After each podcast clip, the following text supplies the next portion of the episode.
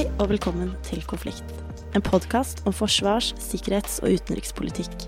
Jeg heter Ingrid Kongshaug Johannessen og er styremedlem i Yata Oslo.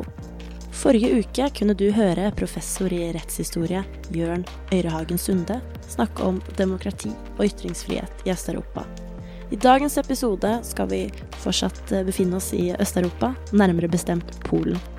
Vi skal ta for oss Polens utvikling i EU, og se nærmere på hvordan landet har gått fra å være en demokratisk suksesshistorie etter jernteppets fall til å bli et av unionens problembarn.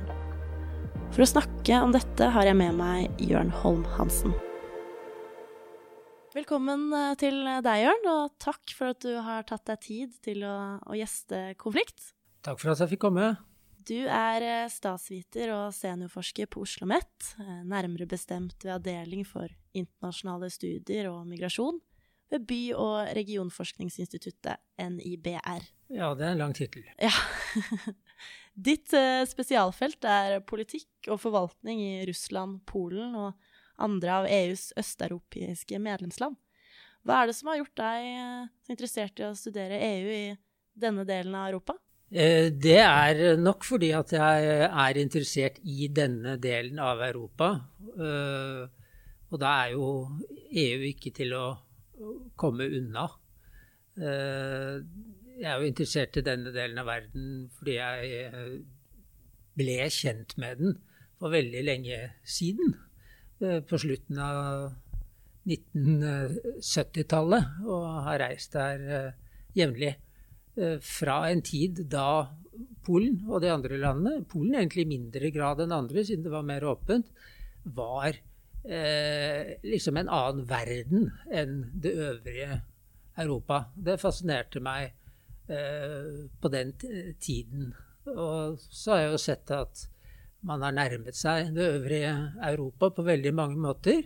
Det gikk ganske fort en stund, og så ser vi at det slår litt tilbake. De var visst ikke så eh, europeiske, eller så mainstream europeiske allikevel. Men når det er sagt, så er det jo veldig mange deler av det gamle EU eh, e hvor mange av disse tingene som vi nå tenker på som veldig problematiske i Polen, også finnes. Det er ikke bare i Polen man har høyrepopulister og eh, nasjonalkonservative eh, partier med stor innflytelse. Ja, og Polen ble fullverdig medlem av EU i 2004, og har siden da vært et av de medlemslandene som har mottatt de største økonomiske overføringene fra unionen. Og tradisjonelt har landet blitt trukket frem som EUs utstillingsvindu, som en blomstrende økonomi og en fremvekst av et eh, liberalt eh, demokrati. Kan du si litt generelt om eh, hva EU har betydd for Polen? Hvor avhengig er Polen egentlig av EU? Økonomisk så er man jo veldig avhengig av EU. Som du fortalte, så har jo Polen eh, Eh, mottatt ganske store, veldig store beløp gjennom EUs ulike støtteordninger. Og de fleste av dem har jo vært målrettet mot de svakeste delene av polsk økonomi, eh, landbruk og distriktspolen. Og distriktspolen er det man i Polen kaller Polen B. Det er områdene i øst og sør vært, hvor det et, har vært et enormt etterslep. Eh, utviklingsmessig som man er i ferd med å, å ta igjen, da, takket være disse overføringene. Norge spiller også en rolle, litt mindre grad, for det er ikke så mange penger, men likevel ganske store summer, gjennom EØS-ordningen, som bidrar til utvikling i Polen, og samarbeid mellom polske og norske aktører av ymse slag. Jeg tenkte vi kunne prate litt om regjeringspartiet PiS, Partiet for lov og rettferdighet. I valget i 2015 gjorde partiet det mange vil omtale som et valgskred, hvor de fikk over halvparten av setene i nasjonalforsamlingen. Partiet omtales annet som nasjonalkonservativt, høyrepopulistisk og EU-skeptisk. Kan du si litt kort om hva som kjennetegner PI sin politikk, og hvorfor de er så kritiske til EU? Eh, e det er, som du sier, et parti som er eh, nasjonalkonservativt og høyrepopulistisk. Eh, og i det så ligger det at de er det jeg vil kalle, og mange andre kaller suverenister. Altså de er tilhengere av sterk grad av selvstyre for nasjonalstaten. Uh, og det er jo en uh, idé som står sterkt over hele Europa, og som uh, i større eller mindre grad preger EU. Det er jo en blanding av nasjonalt selvstyre og fellesstyre i EU. Men disse nasjonalkonservative de er på den ene ytterpunktet her når det gjelder ønsket om nasjonalt selvstyre. Eh, og i det så ligger det en idé om at eh, Polen er noe helt spesielt. Noe som ikke, sånn, eh, ikke skal la seg bestemme over Et land som ikke skal la seg bestemme over av andre. I tillegg så legger de inn en slags sånn konspirasjonsteori om at elitene, og i det polske tilfellet da eh, folk med røtter i det gamle kommunistiske regimet. De hadde jo 40 år med kommunistdiktatur. Det er veldig lenge siden nå. Det er jo 32 år siden. Så det har skjedd mye siden den tid. Men de mener fremdeles at disse elitene sitter og trekker i, i trådene. Og så blir det innvendt at ja, disse elitene de er jo gått av med pensjon for lengst, hvis de i det hele tatt lever. Og så peker de på at nei, men barna deres de sitter og er dommere og medieredaktører og akademikere osv. Så, så det, er, det er en sånn uh, idé om uh, at man ikke skal la uh, elitene, som det da, siden de er populister, ikke sant, ser på, på kulturelle eliter, særlig akademiske eliter, som eh, en slags eh, korrumpert gruppering i samfunnet som eh, er en trussel mot det de oppfatter som det ekte folket. Og det ekte folket er det da de som representerer, fordi de har en slags sånn spesiell fingerspitzgefühl for hva, hva, øh, folket egentlig ønsker og vil. Mm. Ja, du nevner jo folket der. Eh, og eh, tradisjonelt har det jo vært eh, høy oppslutning blant det polske folk rundt EU. Polen har ofte blitt omtalt som det landet med den mest lojale EU-befolkningen. Eh, e men samtidig så utfordrer jo myndighetene stadig eh, EUs lovverk og skape hodebry for Brussel. Ja, det er jo denne balansegangen som er så interessant. fordi det er riktig som du sier. Øh, polakkene menings, europeisk menings, meningsmåling etter meningsmåling på europeisk nivå, så er de de mest øh, positive til medlemskapet i EU. Øh, fordi man jo ser at dette har stor betydning for økonomien i landet, og det at man er integrert i et felles arbeidsmarked og sånn, er det mange som, som uh, nyter godt av. Uh, men samtidig så er det også en etterspørsel i deler av befolkningen for at Polen skal stå opp mot overstyret utenfra. Og en av disse Kaczynski-brødrene, den ene leder jo nå dette PiS-partiet, sa i sin tid at eh, ja, Polen skal være med i EU. Vi skal bestemme i EU, men EU skal ikke bestemme over oss. Mm. Og det er klart at uh, det er en linje som uh, blir veldig vanskelig, særlig hvis flere land skal, skal etter, etterleve den, den maksimen der. Er den polske befolkningen delt i sitt syn på, på EU? Ja, det er den. Eh, på, på, en måte ikke delt, fordi at eh, alle, nesten alle er tilhengere av eh, medlemskapet. Du må veldig langt ut på høyre fløy, nasjonalistiske høyrefløyen, for å finne motstandere av EU. Men de er delt i hva EU-medlemskapet skal innebære.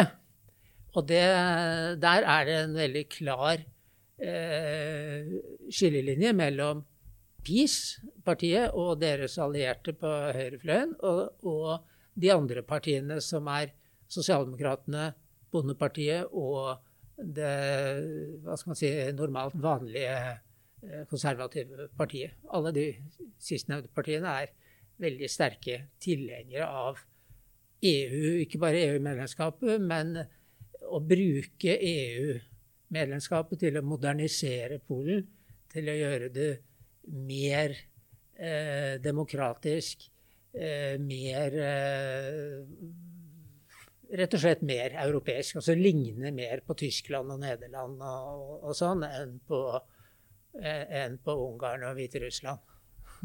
Så det du sier, da, på, på en måte, så er um, har EU eh, blitt et symbol for begge fløyer. Eh, den ene så er det symbol på alt som er feil, og, ja. Eh, og på den andre så er det noe som skal bringe videre økonomisk vekst og fremgang. Ja, det er faktisk det. Selv om man er enig om at man skal være medlem, så er det allikevel en sånn splittende symbolikk rundt EU. Man ser Hver gang opposisjonen er ute og demonstrerer for rettsstaten, f.eks., kvinners rettigheter og hva det måtte være, så har de med seg EU-flagg. Polske flagg og EU-flagg. Alltid. Det har ikke den andre siden. De har bare polske flagg og diverse eh, religiøse symboler og nasjonalistiske eh, ørner og, og andre ting som de kommer trekkende med. I eh, sommer la EU-kommisjonen fram en rapport om hvordan medlemslandene overholder lov og orden. Dette inkluderte bl.a. hvordan de forholder seg til domstolen, EUs lovverk, samt hvordan det står til med pressefrihet, menneskerettigheter og institusjonens uavhengighet. To av de landene som sliter mest med å oppfylle EUs vilkår, er Polen og Ungarn. Og paradoksalt nok er det de to landene som har søkt om mest økonomisk støtte. Én ting er jo da hva denne rapporten sier, og hvor mye kritikk som kan rettes både mot uh, Polen og Ungarn, men hvilke muligheter og virkemidler har EU til å legge press på Polen, og har det noen effekt? Virkemidlene er primært, eh, er primært økonomiske. Man kunne tenke seg at uh, man kunne bruke såkalt shaming. Sette Polen i gapestokken. Det gjør man jo, men det har ingen virkning. Det virker bare mobiliserende på de som i utgangspunktet er mot EU. og det kan få eller mot EU-harmonisering og, og, og, og, samstyreideen i, i, EU. Og det kan også føre til at også andre som i utgangspunktet kanskje ikke er så veldig glad i dette nasjonalkonservative regimet, eh, slutter opp om det fordi landet er angrepet. Hvis Norge ble angrepet for, mange år siden, så var det en eh, sånn Eh, internasjonal kampanje mot eh, hvalfangsten i Norge. Og da ble jo alle mann omtrent i Norge som aldri hadde tenkt over hvalfangst, eller som til og med kunne være tilhengere av å beskytte disse stakkars hvalene, eh, liksom mobilisert for å forsvare Norges ære. Sånn at den shamingen har nok ikke så veldig stor effekt. Den har nok mer sånn eh, hva skal man si, indremedisinsk virkning for oss som er utenfor Polen. Men det som betyr noe, det er økonomien. Det har vi nevnt uh, tidligere her nå, ikke sant? at overføringene er massive. Og hvis de blir skrudd igjen, da uh, vil nok pipen få en litt annen lyd i, i, uh, i regjeringskontorene i Polen. Og det, det man kan gjøre nå, umiddelbart. Eh, altså prosessene med å stoppe overføringene vil ta lang tid, men eh, penger som ordninger som ennå ikke er helt uh, satt i vær, sånn som dette stabiliseringsfondet etter covid-19, uh, det kan man uh, la være å utbetale til Polen. Og det, det, en, og det, er ganske mange penger. Og Polen stor, vil være, kunne være en stor mottaker av, av midler her. Det er nok noe av det Det er nok det eneste som virker. Mm. Men da må EU vise seg å være litt uh, tøffe i klypa, da. Ja, fordi det har jo har det blitt rettet kritikk mot EU også, om at de ikke har vært uh, tøffe nok. Og kan en av årsakene til at Polen stadig leker med ilden, er fordi de, de skjønner at Polen er også viktig for EU? Ja, Polen er viktig for EU. Så må vi også huske at eh, det er mange land i EU. Og vi snakker hele tiden om Ungarn og Polen. De er kanskje verstinger, men det er mange andre land, særlig blant de landene som kom med i 2004, eh, som ikke ligger så veldig langt bak Polen og Ungarn når det gjelder eh, tvilsom eh, forvaltningspraksis og, og, og, og domstolspraksis osv. Det,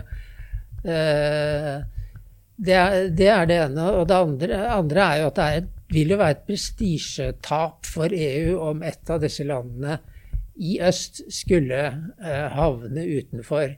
For EU har jo en eller mange av oss som er tilhengere av EU eh, som institusjon, eh, har jo en litt sånn eh, mm, I hvert fall i høytidsstunder litt sånn nærmest romantisk oppfatning av at dette er et stort fredsprosjekt, fredsprisen osv. Og, og, og det skal være løsningen på alt som er vondt og vanskelig i verden. Og, og denne østutvidelsen er jo en del av det.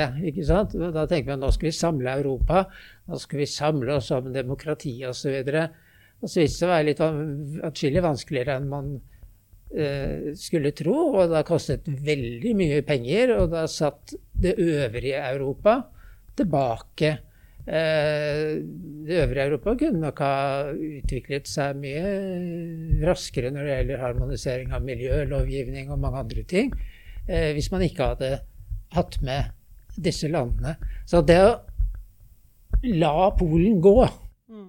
Nå tror jeg ikke at Polen vil uh, gjøre det, men, eller stille seg sånn at det skjer, men å la dem gå vil være et prestisjenederlag av dimensjoner for, for, EU. Og Polen er heller ikke noe hvilket som helst land. Det, det er jo et av de det er det desidert største landet i det vi nå igjen kan begynne å kalle Øst-Europa, som man ikke kunne kalle det i 2004, for da var dette Sentral-Europa. Eh, det er det desidert største landet med oppunder 40 millioner innbyggere. Og Romania er jo det eneste av de andre landene med, med sånn rundt Altså, de har rundt 20, 20 millioner. Ellers er det jo ganske små land det er snakk om. Mm. Ja, du var jo så, så vidt inne på det, men uh, det her med om Polen eventuelt melder seg ut, eller om uh, det vi ser nå, og det vi har sett de siste årene, kan tolkes som, uh, som tegn på at det kan komme en, en mulig utmelding, og om en såkalt polexit er realistisk.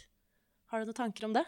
Jeg tror ikke det er jeg tror ikke det er realistisk, og det er mange grunner til det.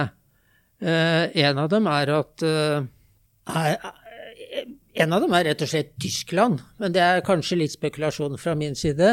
Tyskland har år etter år vært styrt av Kristeligdemokratene, som er et parti som har et litt historisk litt trøblete forhold til Tyskland. Ikke i og for seg som parti, men søsterpartiet deres i, i, Bayern har jo vært et sånn oppsamlingssted for eh, fordrevne tyskere. ikke sant? Sånn mellom kanskje 12-13-14 millioner tyskere fra Øst-Europa ble jo fordrevet derfra etter andre verdenskrig.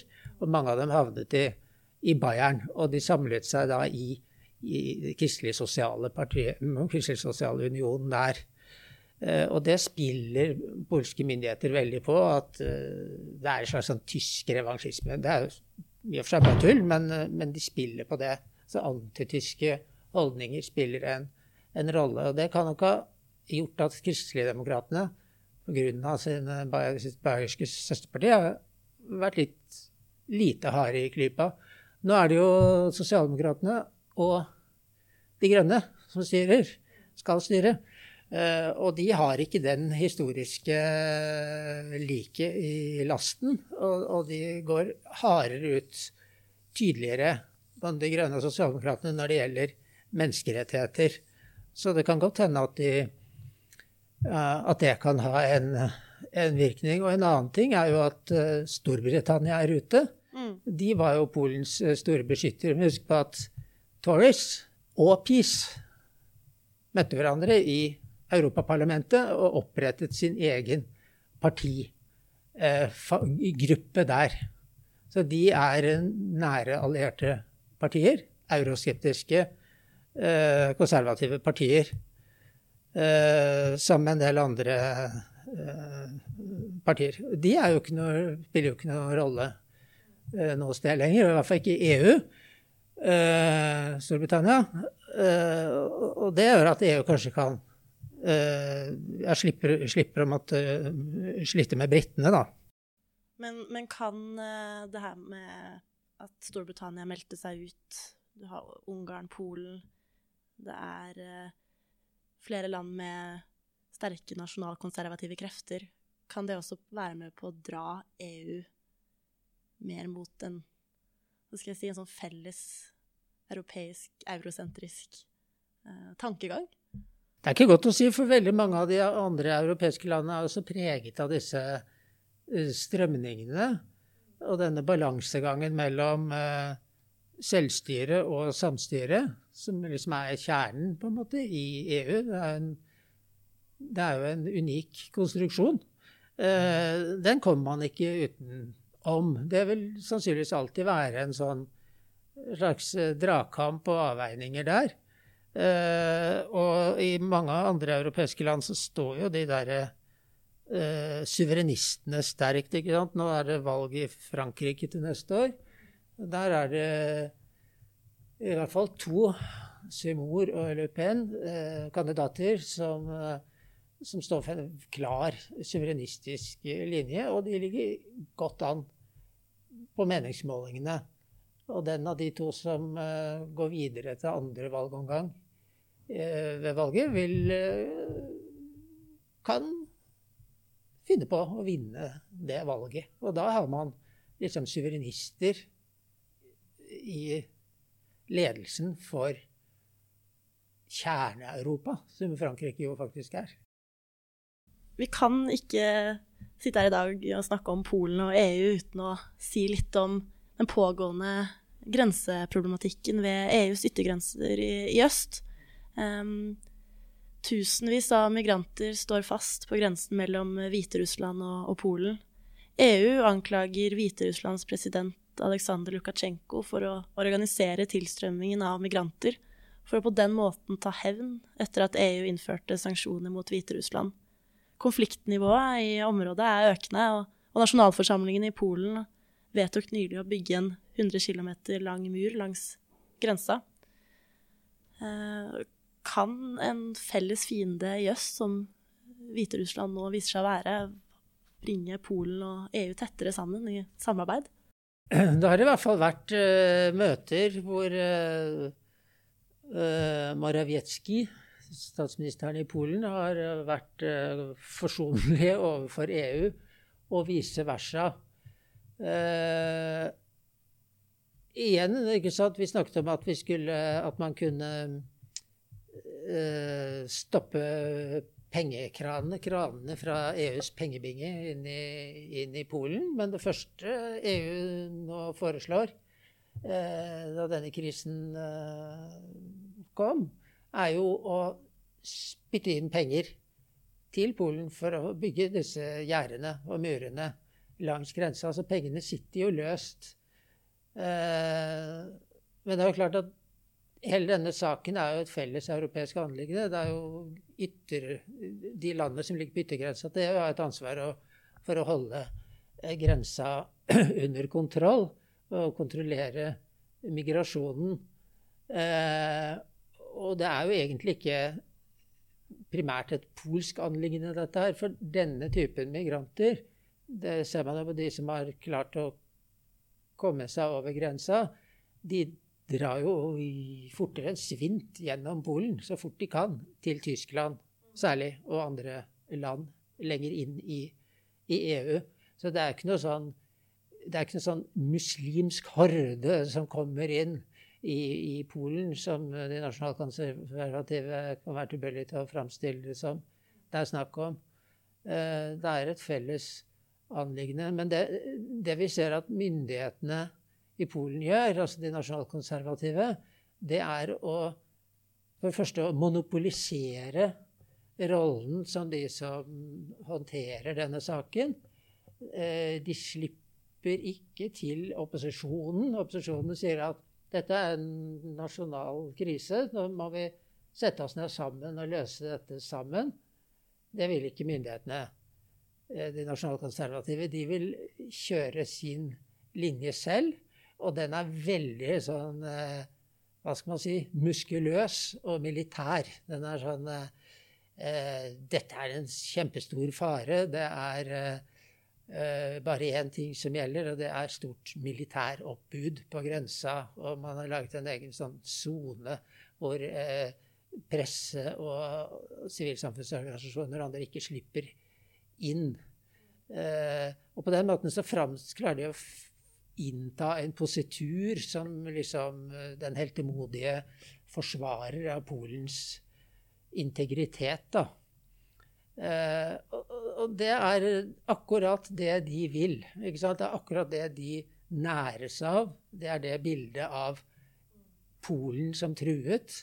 Og her vil da, da de nasjonalkonservative ikke sant, spille på at uh, disse andre kritikerne uh, i Polen og i det øvrige EU, som da kritiserer Polen for å være inhumane Det er jo primært Hviterussland som er det, men nå er jo Polen nå en gang medlem av EU. Kritiserer Polen, vil jo si at de er jo da uh, ikke til å stole på, fordi at de er da ikke interessert i å forsvare Eh, eh, Polens eh, integritet. Husk på at det er en sånn gammel Noen hevder liksom over 1000 år gammel eh, tankestrømning som har gjort seg gjeldende i Polen, om at Polen er sivilisasjonens ytterpunkt, bolverket mot uh, uh, feil kristendom og mot islam. Så Polens oppgave er liksom å stå opp for de europeiske verdiene, altså som de ser det, mot disse vantro. Og det er også noe man spiller på nå, da, på nasjonalkonservativt hold i Polen. Ja, uh, dette her er jo da tematikk vi sikkert kunne pratet mye, mye, mer om og, og holdt, på, holdt, på, lenger. Men uh, vi har da også kommet til, til veis ende. tusen takk for en spennende samtale. og og ikke minst takk for at du eh, tok deg tid til å, å gjeste podkasten. Tusen takk for at jeg fikk komme. Du har nå lyttet til Konflikt, en podkast av Jata Oslo. Vi er en organisasjon for studenter og unge yrkesaktive med interesse for forsvars-, utenriks- og sikkerhetspolitikk. Hvis du synes dette høres spennende ut, sjekk oss ut på Facebook og Instagram. Bli gjerne medlem på jata.no. Gi oss også gjerne en rating på iTunes, og anbefal oss videre til en venn for å hjelpe oss med å nå ut til enda flere. Så må du ikke glemme å tune inn neste søndag. Da hører du styremedlem Rikard Federoffer slå av en prat med Jørgen Vatne Frydnes fra Nobelkomiteen. Vi høres!